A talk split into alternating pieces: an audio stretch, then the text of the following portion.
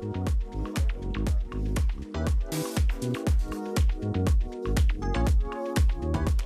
morning. Yang menghabiskan sebagian besar waktu untuk di rumah saja selama pandemi, banyak kegiatan yang bisa dilakukan. Salah satunya dengan merawat tanaman hias. Tak hanya untuk keindahan saja ya, tanaman hias juga ada yang berfungsi sebagai air purifier atau penyerap polutan. Seperti jenis sirih-sirihan, lidah mertua, palem, lidah buaya hingga jenis tanaman paku-pakuan. Perawatan jenis-jenis tanaman ini relatif mudah kok. Tanaman sirih-sirihan hanya perlu disiram sehari sekali pada pagi atau sore. Sementara jenis lidah mertua, lidah buaya, dan paku-pakuan sebaiknya tidak terkena sinar matahari langsung.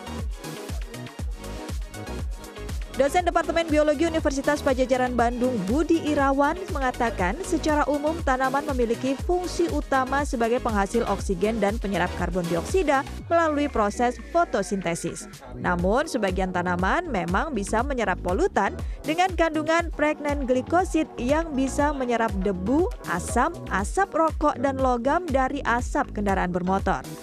Nah, supaya efektif ada tipsnya nih kalau di dalam ruangan yang sinar mataharinya agak kurang, itu ada saatnya uh, tanaman tersebut harus dikeluarkan dari ruangan agar proses fotosintesisnya bisa uh, berjalan ya. Tapi ada kelompok uh, tanaman-tanaman sukulen ya yang berdaun tebal itu juga proses fotosintesisnya mekanismenya agak sedikit berbeda karena kalau cahaya terlalu terang juga dia akan menutup stomatanya ya.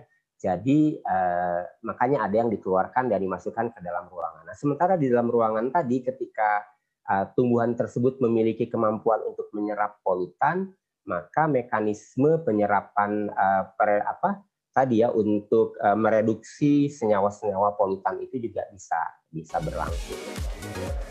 Bagi Anda yang mau mulai merawat tanaman penyerap polutan, bisa mulai dengan tanaman jenis sirih-sirihan dan lidah mertua. Selain mudah didapat, tanaman ini juga lebih mudah perawatannya.